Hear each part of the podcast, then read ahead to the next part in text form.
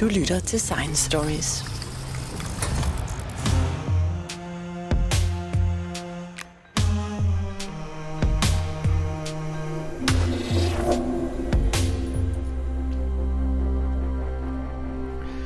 Fænomenet sorte huller har fascineret og overrasket siden det blev forudsagt i Einsteins generelle relativitetsteori i 1915. Og der sker stadigvæk rigtig meget i forståelsen af sorte huller. Derfor har jeg taget ud på Niels Bohr Instituttet, hvor jeg taler med Albert Snippen. Og Albert Snippen, øh, du arbejder med sorte huller. Hvad er det egentlig for noget? Øh, sorte huller er et sted i universet, hvor du har samlet så meget masse i så lille et rumfang, at tyngdekraften bliver så stor, at intet kan slippe ud. Det vil sige, uanset hvad der kommer ind i det sorte hul, om det er en lille elementarpartikel, eller en stjerne, eller lys selv, når du først er inde i det sorte hul, så kan du aldrig komme ud igen. Men hvor meget masse skal der til for, at man får et sort hul? Er det noget, der kan dannes sådan her i vores øh, solsystem, eller, eller hvor er det, at, at man får sorte huller? Øh, det er et godt spørgsmål. Så man kan sige, at sorte huller blev forudsagt allerede for et århundrede siden i Einsteins generelle relativitetsteori. Men i lang tid var det bare sådan en matematisk konstruktion, fordi man vidste ikke, om der var noget ude i universet, der lavede de her sorte huller.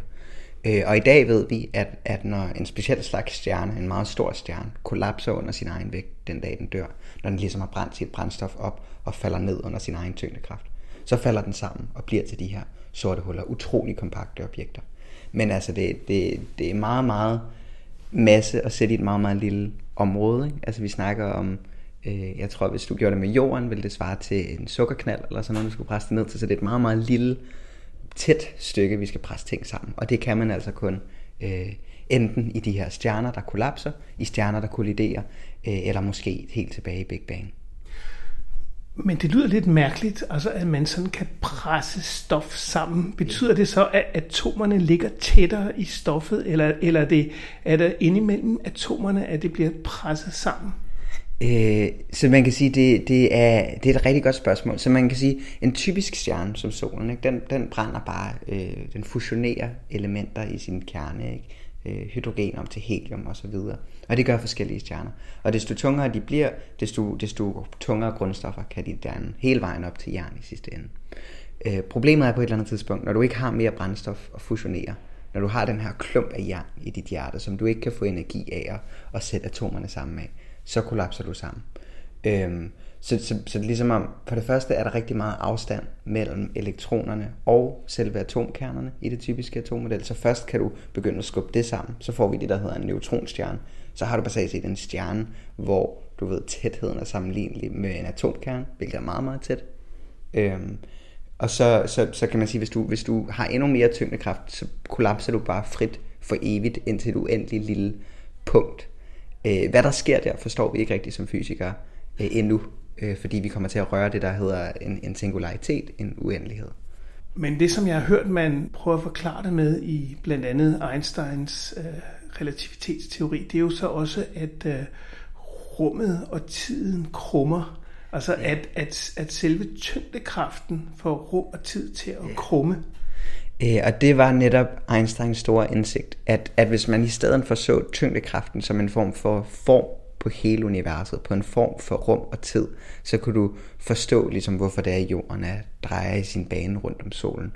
Øhm, og den naturlige forlængelse af det er, at hvis du samler en hel masse masse et sted, så kan du krumme rumtiden så meget, altså selve afstandene og selve vores forståelse af tid så meget, at du får et lille hul øh, i, i universet. Et lille hul i universet?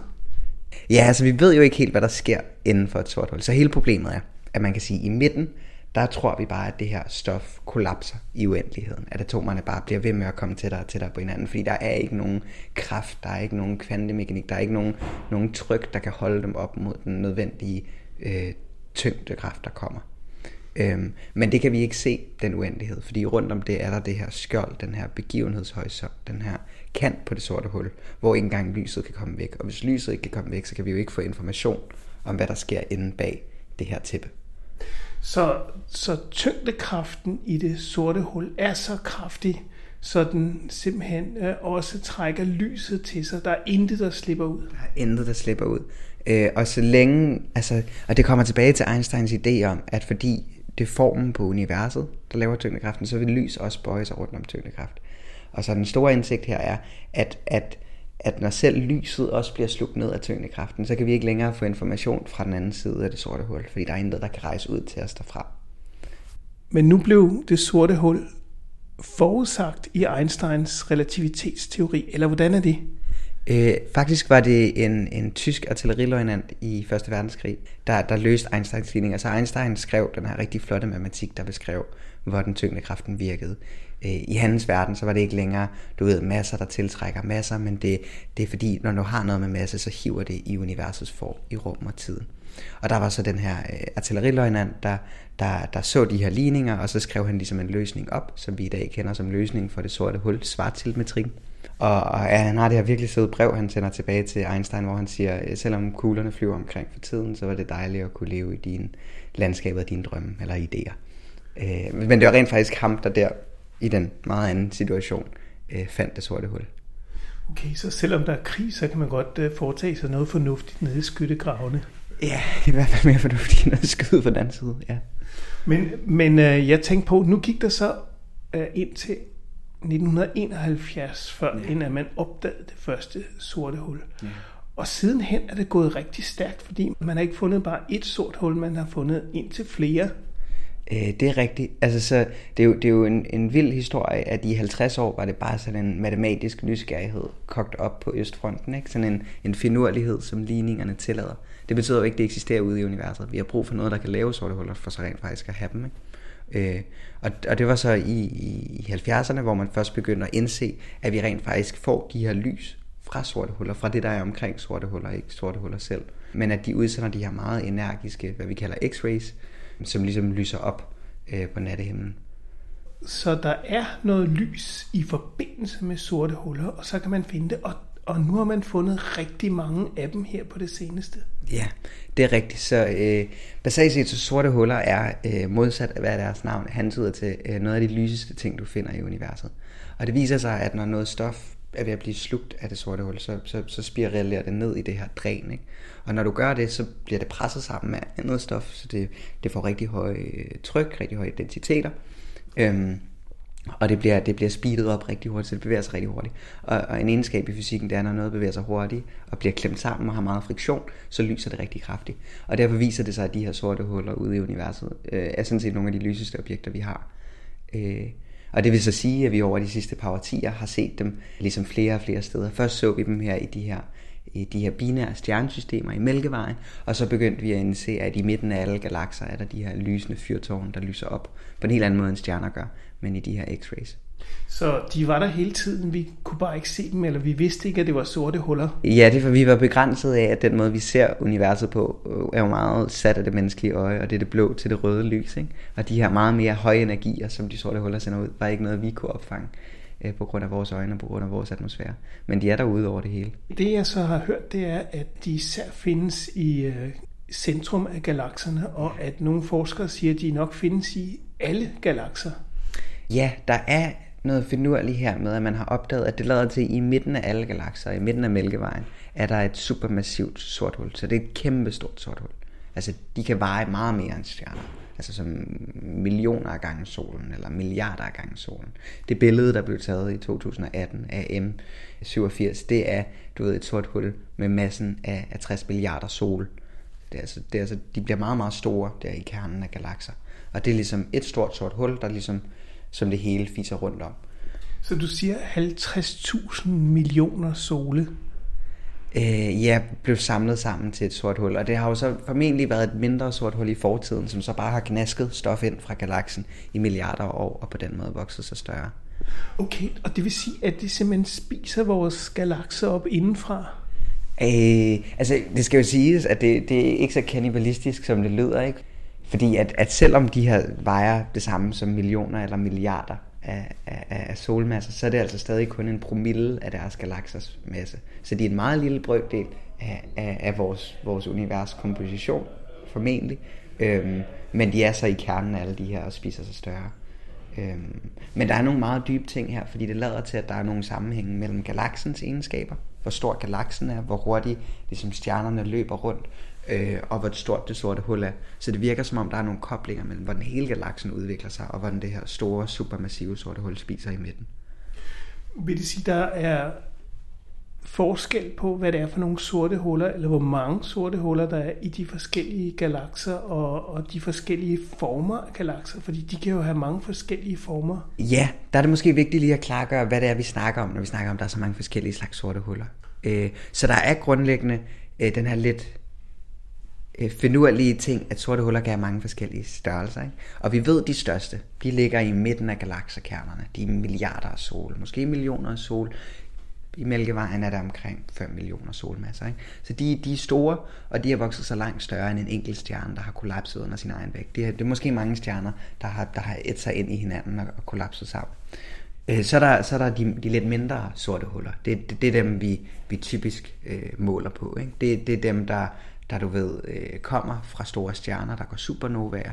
Så det, det er sorte huller, du ved, der har samme masse som, du ved, 5 gange solen, eller 10 gange solens masse. Ikke? Så det er sådan en, en sammenlignelig med en stjernemasse.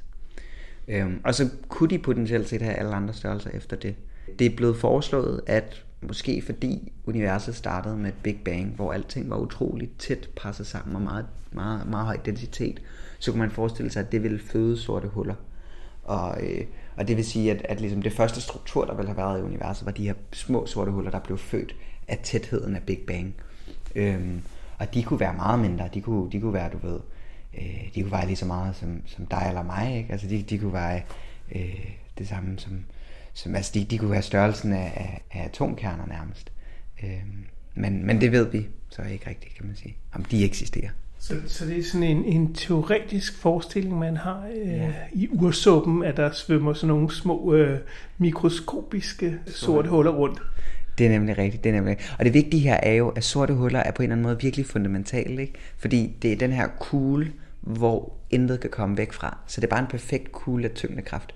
Og det er ligegyldigt, hvad for en størrelse det har. Det kunne være lige så meget som, som mælkevejen, og det kunne være lige så lidt som, som os, ikke? Altså, og alt derimellem. Øh, så det er, jo, det er jo den her egenskab ved at noget bare er meget, meget tæt, øh, og laver de her små uendeligheder, kan egentlig komme på alle størrelser. Mm. Nu læste jeg for nogle år siden en artikel af Stephen Hawking, som, uh, som påstod, at sorte huller findes ikke.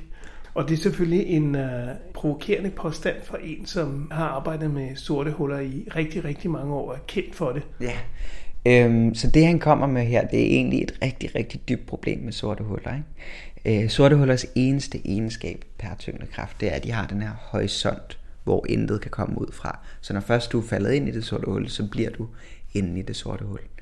Øhm, og det er egentlig fint nok. Det, det ligger i Einsteins ligninger, det må vi godt sige. Men det modstrider med en anden teori, vi har i fysikken. Øh, den vi kalder kvantemekanik. Og kvantemekanik har den her idé om, at mængden af, af information, der er i universet, på en eller anden måde skal være bevaret. Så du ved, mine atomer eksisterer lige nu, og hvis jeg en dag, du ved, øh, bliver til støv, så eksisterer jeg stadig i universet, og informationen om mig eksisterer stadig. Men hvis jeg faldt ind i et sort hul, jamen så vil, så vil jeg på en eller anden måde blive slettet fra hele universet. Det vil være ligegyldigt, hvad jeg var, fordi jeg var bare blevet en del af den masse, øh, den udefinerbare ting. Og det er et problem, fordi det vil sige, at sorte huller per deres eksistens bryder kvantemekanik. Og kvantemekanik er en teori, vi rigtig godt kan lide, ikke mindst fordi du ved, at vi har en computer lige der, og den er baseret på de principper. Ikke? Så vi ved jo, at kvantemekanik fungerer hernede på jorden. Og, og det, vi, det, vi, det, vi, det vi sidder og, og under her, det er, at vi har en teori for de store ting, for, for det, der sker deroppe i universet. Det kalder vi Einsteins generelle relativitetsteori. Og vi har en teori for, hvordan atomerne fungerer. Ikke? Øh, det kalder vi kvantemekanik. Og de to ting har aldrig passet sammen. To forskellige dele af, af et puslespil. Og det han, det han prøver at sige her, det er, at, at vi er nødt til at ofre enten det sorte hul, eller, eller nogle af tingene i kvantemekanik. Men i det hele taget, Einsteins øh, teori og Niels Bohrs øh, teori har det lidt vanskeligt med hinanden, men vi arbejder jo med dem til hverdag. Altså det indgår i, for eksempel hvis man har en, en GPS og vil navigere, ja. så, så går tiden ikke på samme måde som op uh, der, hvor man har satellitterne. Altså den går simpelthen hurtigere deroppe end, end hernede i ja. tyngdefeltet på jordens overflade. Ja, så det er rigtigt, og det er en ret grundlæggende ting. Ikke? Vi har... Øh, vi har jo den her idé fra, fra Einsteins specielle og generelle relativitetsteori, de her teorier. Og vi kan jo se, de virker. Vi kan jo se, at vi har jo nu taget et billede af et sort hul, så det er jo ikke, fordi de ikke eksisterer mindre end det. Ikke? Altså, de er derude, og de gør ting i universet. Og vi kan også få computere til at virke, så det er nok en dårlig idé at smide kvantemekanik ud med badevandet. Men de to teorier er ligesom bygget på forskellige dele af universet, og det eneste sted, hvor de virkelig overlapper, det er i den her idé om et sort hul. For et sort hul er både noget, der er meget stort tyngdekraftmæssigt, og meget lille, sådan rent kvantemekanisk, så samler det det hele i et uendeligt lille punkt. Så problemet er, at vi skal finde en teori, der dækker begge dele, og det er jo egentlig den store drøm i fysik, at have en, en enkelt teori, der kan forklare det hele. Øh, men det kræver en forståelse af tyngdekraft og kvantemekanik, en kvantetyngdekraft, og den har vi ikke haft, og den leder vi stadig her 40 år efter Hawking først startede på sit første arbejde. Og det vil så også sige, at det i virkeligheden de sorte huller, som er det store fysiklaboratorium, hvor er de rigtig, rigtig spændende ting, man kan udforske omkring, hvordan fysikken egentlig fungerer. Det er der. Ja, at det er, det er lige nu er sorte huller, og ikke bare, ikke bare sorte i den forstand, at de har en horisont, der separeres, men det er også vores, vores forståelseshorisont ligger der på det sorte hul. Og, og for at, at komme videre med fysikkens lov, så er vi nødt til at løse det her spørgsmål om, om, om hvorfor sorte huller overhovedet eksisterer i universet. For det er vigtigt at sige, at sorte huller, som de eksisterer lige nu, bryder kvantemekanikkens love. Og det får mig til at sige, du har jo faktisk publiceret en artikel for nogle tid siden, altså et par år siden, omkring netop sorte huller og hvordan lyset bliver reflekteret i dem, som gør, at man faktisk kan få en, en helt anden tidshorisont, end den man umiddelbart har. Ja. At man umiddelbart har. Uh, fortæl om det. Øh, jo, så det her er egentlig, og det bygger op på den samme problematik. Ikke? Vi vil gerne forstå sorte huller. Vi vil gerne kunne, kunne se dem og se, om Einsteins generelle relativitetsteori passer. Øh, og om vi kan, vi kan begynde at forstå alle de her dybe spørgsmål om at forene øh, tyngdekraft med al vores andet teori.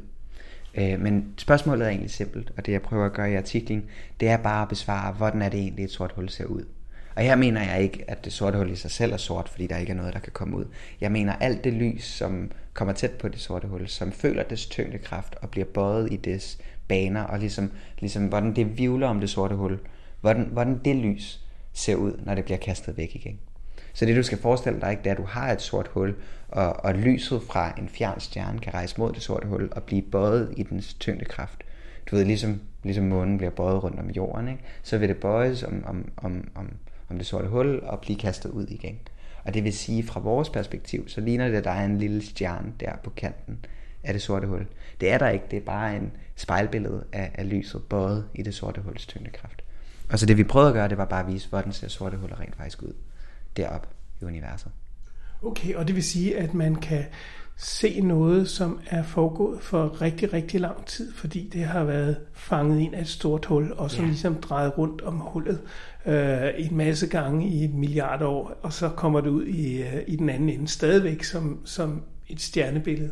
Ja, og det er det, der gør det så space, ikke? Og det er jo fordi, øh, Ole Rømer opdagede jo, at lys har en hastighed, ikke? Det tager tid for lys at rejse en vis afstand. Det rejser 299.792.458 meter hver sekund, ikke? og det er et stort tal, men ikke i astrofysiske kontekst. Så du ved, det der sker er, at lyset skal jo rejse hele vejen hen til det sorte hul, og så hele vejen hen til os. Det vil sige, når vi kigger op på det, så er det tilbage i fortiden, vi kigger. Øhm, og på den måde er det her billede, spejlbilleder, vi får af stjernerne rundt om kanten af sorte huller, det, det er spejlbilleder fra fortiden, som stjernerne så ud dengang, de lyste ind på det sorte hul. Øh, men det går ind til det meget mere generelt, at hver gang vi kigger op på nattehimlen, så kigger vi tilbage i tiden på en eller anden måde. Det er ikke unikt til det her spejlbillede. Men jeg tænkte på, at du beskrev før forskellige størrelser og typer sorte huller. Ja. Øh, kan man sige, det er sådan en del af, af stjerners øh, udvikling, altså sådan, så de, øh, de når en vis størrelse, og så til nogle andre typer stjerner, og til sidst ender de med at blive så store, så de kan kollapse og blive til sorte huller. Altså det, sorte huller er jo en helt naturlig sådan evolutionær sekvens i vores galakses historie. Ikke? Altså det, det er bare store stjerner, der du ved, slutter deres liv og så kollapser under deres tyngdekraft. Så det er, det er, det er bare en naturlig form for stellart lig. Og de, de eksisterer jo så måske for evigt. Øh, så på den måde er de jo, de er jo største del af universets historie kommer til at være dækket af sorte huller og ikke af stjerner. Okay, så de sorte huller, de bliver simpelthen ved med at være der. De er, det er ikke sådan, at de opløses efter nogen tid, men de bliver ved med at akkumulere. Det er så en stor videnskabelig diskussion. Og hvis du tror på Hawking og hans logik, så vil man nok sige, at de vil fordampe over en afsindig tidsskala. Altså 10 opløftet i 67. år, det er et meget stort tal. Især i forhold til, hvor gammelt universet er. Ikke? Altså, så, så, så du ved, der er nogen, der siger, at de måske vil fordampe på, på nogle tidsskalaer, som ingen mennesker eller universet selv helt kan forstå endnu. Men grundlæggende, den her idé om, de er et sort hul, ikke? de samler masse i deres midte, og de kan ikke komme ud igen. Det vil sige, at de er meget stabile. De kommer ikke til at blive, blive, blive forstyrret af noget. Og derfor kan de eksistere meget, meget længe. Nu så jeg uh, Roger Penrose, han var i København for nogle år siden, hvor han fortalte om conformal cyclic cosmology. Og det var jo meget fascinerende, både det, at han havde en teori om, at uh, der havde været flere Big Bangs, altså at der var sådan en cyklisk Big Bang ja. i universet, men også at, at der fandtes spor efter sorte huller i tidligere universer. Ja. Det lyder ret fantastisk, og, og, og, og det kunne man måske grine lidt af, hvis ikke det var fordi, at Roger Penrose rent faktisk øh, lige fik Nobelprisen her for et par år siden, og som er en, der bliver taget relativt seriøst alligevel. Tror du, at sorte huller spiller en rolle på længere sigt, måske på tværs af, af, af Big Bangs, eller, eller hvad er din holdning til det? Så jeg tror, at det er, og lige for at give kontekst, ikke, den her idé med konform kosmologi, det, ideen er bare, at, at universet har sådan en cyklus, at den ligesom puster sig op fra et Big Bang og udvider sig og har al den ligesom, diversitet, vi har, og så på et eller andet kollapser den tilbage ind i et eller andet, der igen er uendelig øh, tæt, hvilket jo lidt minder om et sort hul, og så eksploderer den igen i et nyt Big Bang, og så har man de her cykluser, der bare fortsætter. Øh, og det ved vi simpelthen endnu ikke. Vi, lige nu kan vi kun se det her lille slice af universet, vi har nu. Men det er da meget rigtigt nok, at det er jo sjovt, at en af de få måder, de her forskellige øh, kædet universer vil kunne snakke med hinanden, det vil være i det, vi kalder gravitationsbølger. Og det er noget, du jo får fra de sorte huller, og kun rigtig vil rejse på tværs fra dem. Øh, men det er alt sammen, jeg tror, øh, lidt op i luften. det tror jeg ikke er noget, vi rigtig ved noget om endnu. Men de der gravitations- eller tyngdekraftsbølger, ja. det er jo noget, som vi er begyndt at kunne måle os. Ja. Og, øh, og jeg så øh, de første målinger, som var fantastiske, og det var første gang, man havde observeret det, og man gjorde det så flere forskellige steder på jorden, øh, så ja. man kunne se, at det rent faktisk ikke bare var en enkelt øh, måling, men det var faktisk noget, man kunne måle flere forskellige steder. Og derfra så er det jo lige pludselig blevet, at nu er der rigtig mange, nu vælter det rundt med bølger i, uh, ude for verdensrummet. Altså det er ikke bare en enkelt lille bølge, der kommer nej, nej, nej, hver tiende år. Det, det er et større stormvær, vi er ude i. Ja, altså vi, vi kommer til at tænde detektorerne her til sommer igen, ikke? efter et par års pause her. Og der hørte jeg, at det antaget sådan, hyppighed er, at vi får nok omkring to sorte huller, der, altså to par, der stod sammen hver dag. Øh, altså så vi er meget øh, altså størrelsesordner større i, i antallet af de her ringende klokker, vi kommer til at høre ude fra universet. Øh. Så samtidig med, at man har James Webb-teleskopet, har vi så nu et helt nyt redskab, hvor man simpelthen kan måle, og det, er det virkelig med laserlys, at man måler meget ja. præcist afstanden mellem nogle forskellige øh, måleinstrumenter. Ja, så den grundlæggende idé her er, at tætte ting, tunge ting, de, øh, de laver øh, bølger i rumtiden, når de støder ind i hinanden. Så de her sorte huller, der eksisterer ude i, i Mælkevejen, og der danser om hinanden, og på et eller andet tidspunkt ramler ind i hinanden, de sender den her bølge ud i selve rum og tid. Og den bølge, når den rammer jorden, gør, at afstanden ligesom øh, strækker sig og skrumper lidt. Og det vil sige, hvis du skyder et laserlys frem og tilbage, så du ved meget præcis, hvad afstanden er, fordi du kan se ligesom, øh, bølgelængden af lyset, så kan du se, at den bliver lige bøjet lidt frem og tilbage, når bølgen passerer igennem. Øh, så det er en vanvittig teknologi, som øh, Einstein i sin egen tid sagde, at mennesket aldrig nogensinde ville opnå. Altså det er jo lidt vildt, at det kun tog der 100 for os rent faktisk at kunne høre lyden af universet ringe på den måde. Ikke?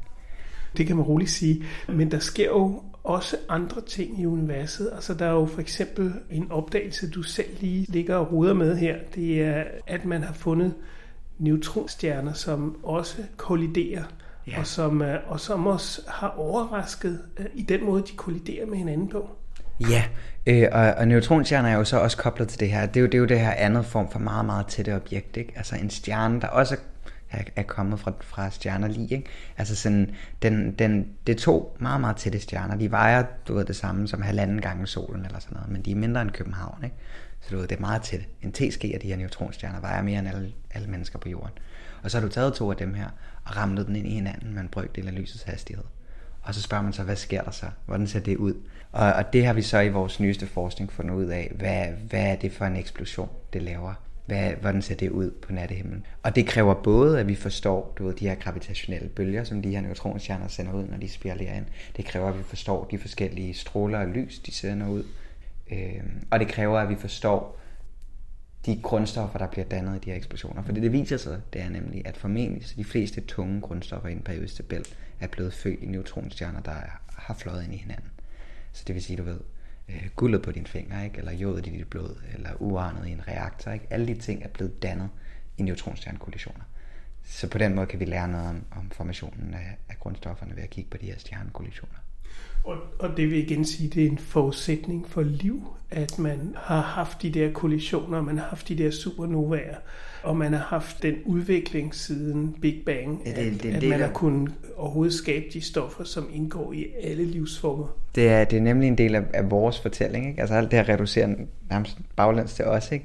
og det er jo lidt spændende at tænke på, at, at du ved, Øh, Big Bang selv havde jo bare skabt noget hydrogen, og så for at få den øh, diversitet af, af karbonorganismer, vi har nu, og for at kunne lave, du ved, øh, de metaller, der ligger i den der computer, så kræver det hele de her historier om, om stjerner, flere generationer af stjerner før os, der har eksploderet og dannet grundstoffer, kollideret og dannet endnu tungere grundstoffer, dannet de her sorte huller. Så vi er jo ligesom en, en endegenerationsstjerne. generations stjerne. Der, der er en ting, der undrer mig lidt, det er lidt omkring tidsskalaen. Fordi at når man kigger ud i, i astronomiske afstande, så foregår tingene jo ikke så hurtigt. Altså jeg kan huske, der var nogen, der talte om, at der var en galakse, der var ved at støde ind i os for nogle år siden. Ja. Det er den stadig i gang med, det er Andromeda af ja, galaksen. Ja, det til at tage en milliard år til. Ja, præcis. Så det er noget, der går øh, relativt langsomt. Men jeg tænker på, sådan nogle neutronstjerner, er det også noget, der fandtes for tusind år siden, eller er det, er det noget, som går, går hurtigt eller langsomt? Er det, er det på vores tidsskala? Altså man kan sige, det at de kolliderer ind i hinanden. Ikke? Altså i de der endelige øjeblikke, hvor de sender gravitationelle bølger ud og slammer ind i hinanden og, og sender alle de her grundstoffer ud.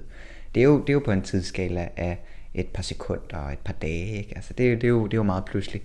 Øh, men det at danne en neutronstjerne, det er at få en stor stjerne til at blive et lig, til at blive en neutronstjerne, og få, til at få den til at spiralere ind i en anden stjerne, det kan tage milliarder og milliarder år. Øh, så på den måde, øh, der har, været, der har formentlig været flere neutronstjernekollisioner i det tidlige univers, men, men du ved sådan, de, de, de, de, de er på en tidsskala, hvor vi selv kan beundre dem. Ikke? Altså det her, den her eksplosion tog et par dage, og den lyste op på nattehimlen øh, i august 2017.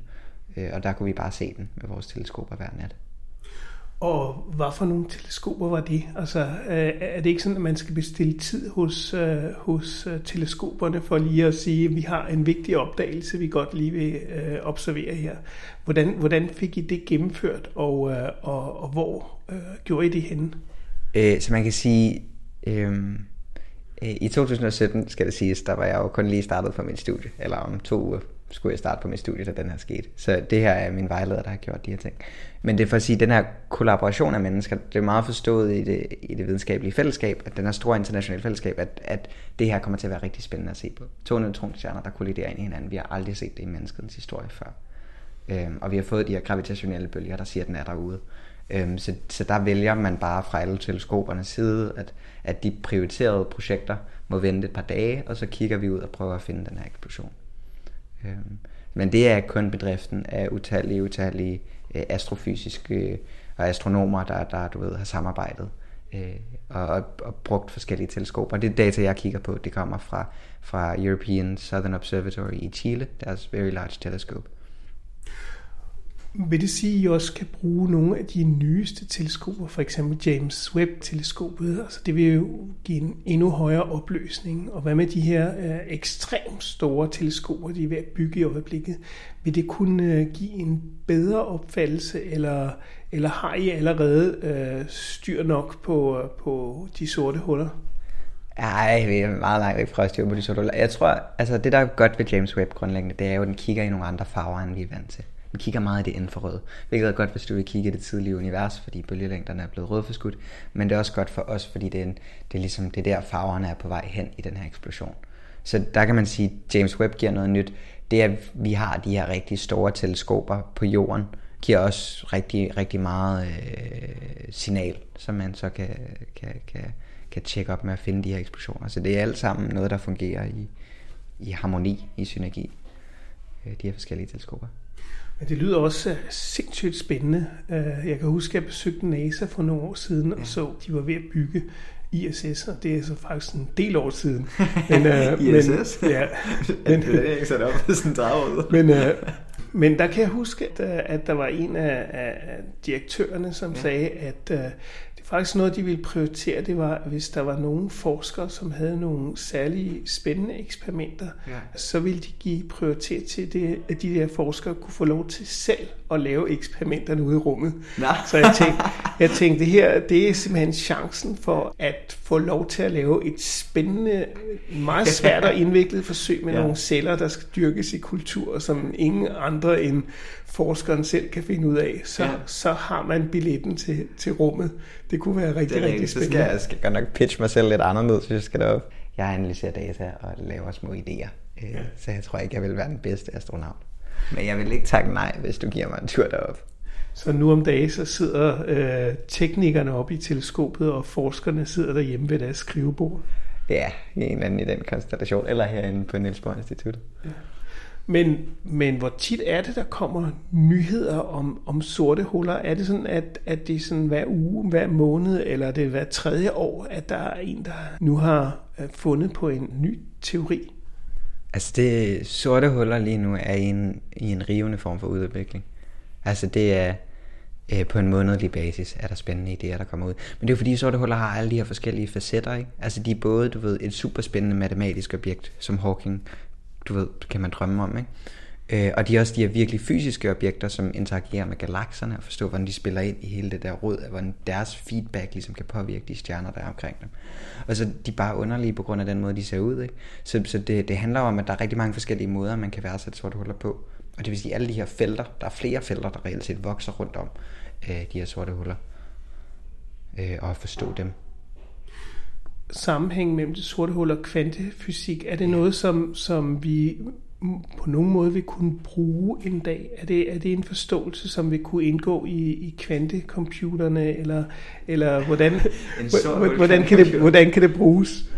Øhm, altså grundlæggende, ikke? så det vi snakker om her, det er jo grundforskning. Og et af de store ting med grundforskning, det er, at vi jo ikke ved, hvor vi er på vej hen. Altså sådan, jeg hørte den her historie med, øh, med Maxwell her for nylig, Øh, Maxwell var jo ham, øh, en af herrerne, der opdagede en forbindelse mellem elektricitet og magnetisme.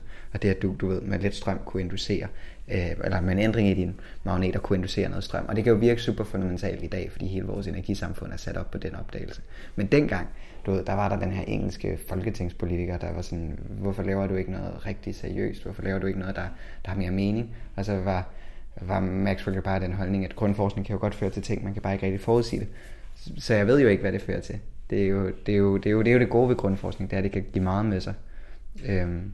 Og det, det svarer lidt til, at hvis man forestillede sig, at man for 200 år siden øh, ville gøre noget for belysningen, så ville man have forsket rigtig meget i nogle bedre sterillys, og man ville have nogle super øh, gode, stærke, fantastisk flot, velfungerende sterillys. Ja, selvfølgelig, og du ved, sådan, man kan også sige, du ved, er det vigtigt, at CERN kastede nogle partikler ind i hinanden ved stor hastighed og opdagede flere af de fundamentale partikler i universet det, det er måske lidt esoterisk, men undervejs så opdagede de også, eller opfandt også internettet. Altså det er jo også meget brugt der. Altså, ikke? Så det handler jo om, at når man laver de her ting, så, så konsekvenserne af det ved man aldrig undervejs. Fordi det du per definition gør, er, at du prøver at løse nogle ting, som du ved, ingen har kigget på eller forstået før.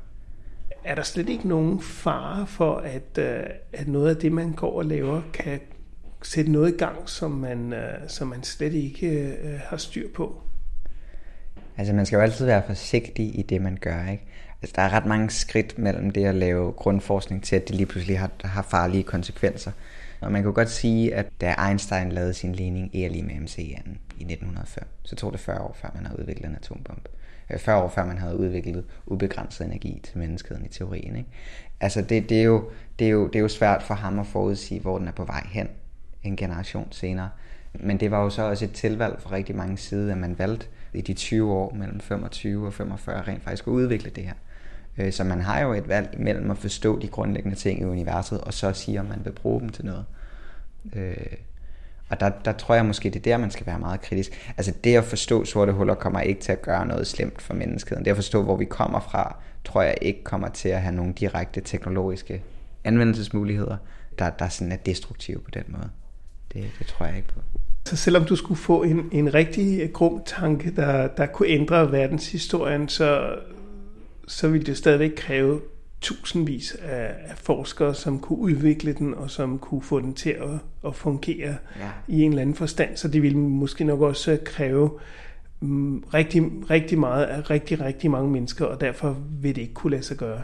Altså det er jo meget langt fra en passiv handling at gå fra en flot forståelse af, hvor vi kommer fra, til hvordan man kan bruge det som, som teknologi, og der skal vi jo bare være bevidste om, så snart du gør det til konkret teknologi, hvem er det, det hjælper, og hvem er det, det kan skade. Altså det skal man jo gøre med al teknologi, man udvikler. Det er jo også et ansvar. Du, du laver du laver medicinske test på noget, før du udfører det i Danmark, ikke? eller før du, før du ligesom giver det ud til befolkningen. Du tester jo ting, og er sikker på, at du ikke skader nogen. Og så det gode er også, at, at uh, det vi observerer ude i universet går altså ret langsomt, så, så det er millioner og milliarder år, vi snakker om. der er ikke nogen umiddelbare konsekvenser af at forstå, hvor man kommer fra. Altså sådan i, i nej, det kommer ikke lige til at, at byde os i halen.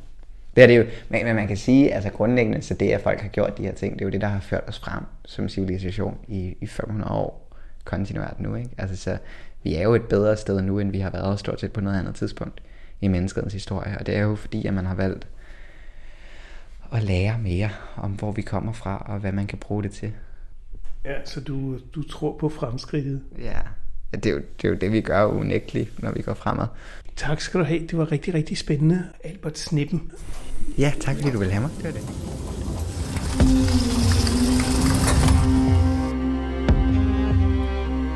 Hvis du holder af historier om videnskab, kan du finde Science Stories hjemmeside på www.sciencestories.dk. Vi er på sociale medier som Facebook, Instagram, LinkedIn og Twitter. Du kan finde vores podcast på de fleste podcastudbydere som SoundCloud, Podimo, Spotify, og hvis du bruger Apple Podcast, må du meget gerne give os en rating og en kommentar, så andre også kan finde os. Jeg hedder Jens Deget, og dette var Science Stories.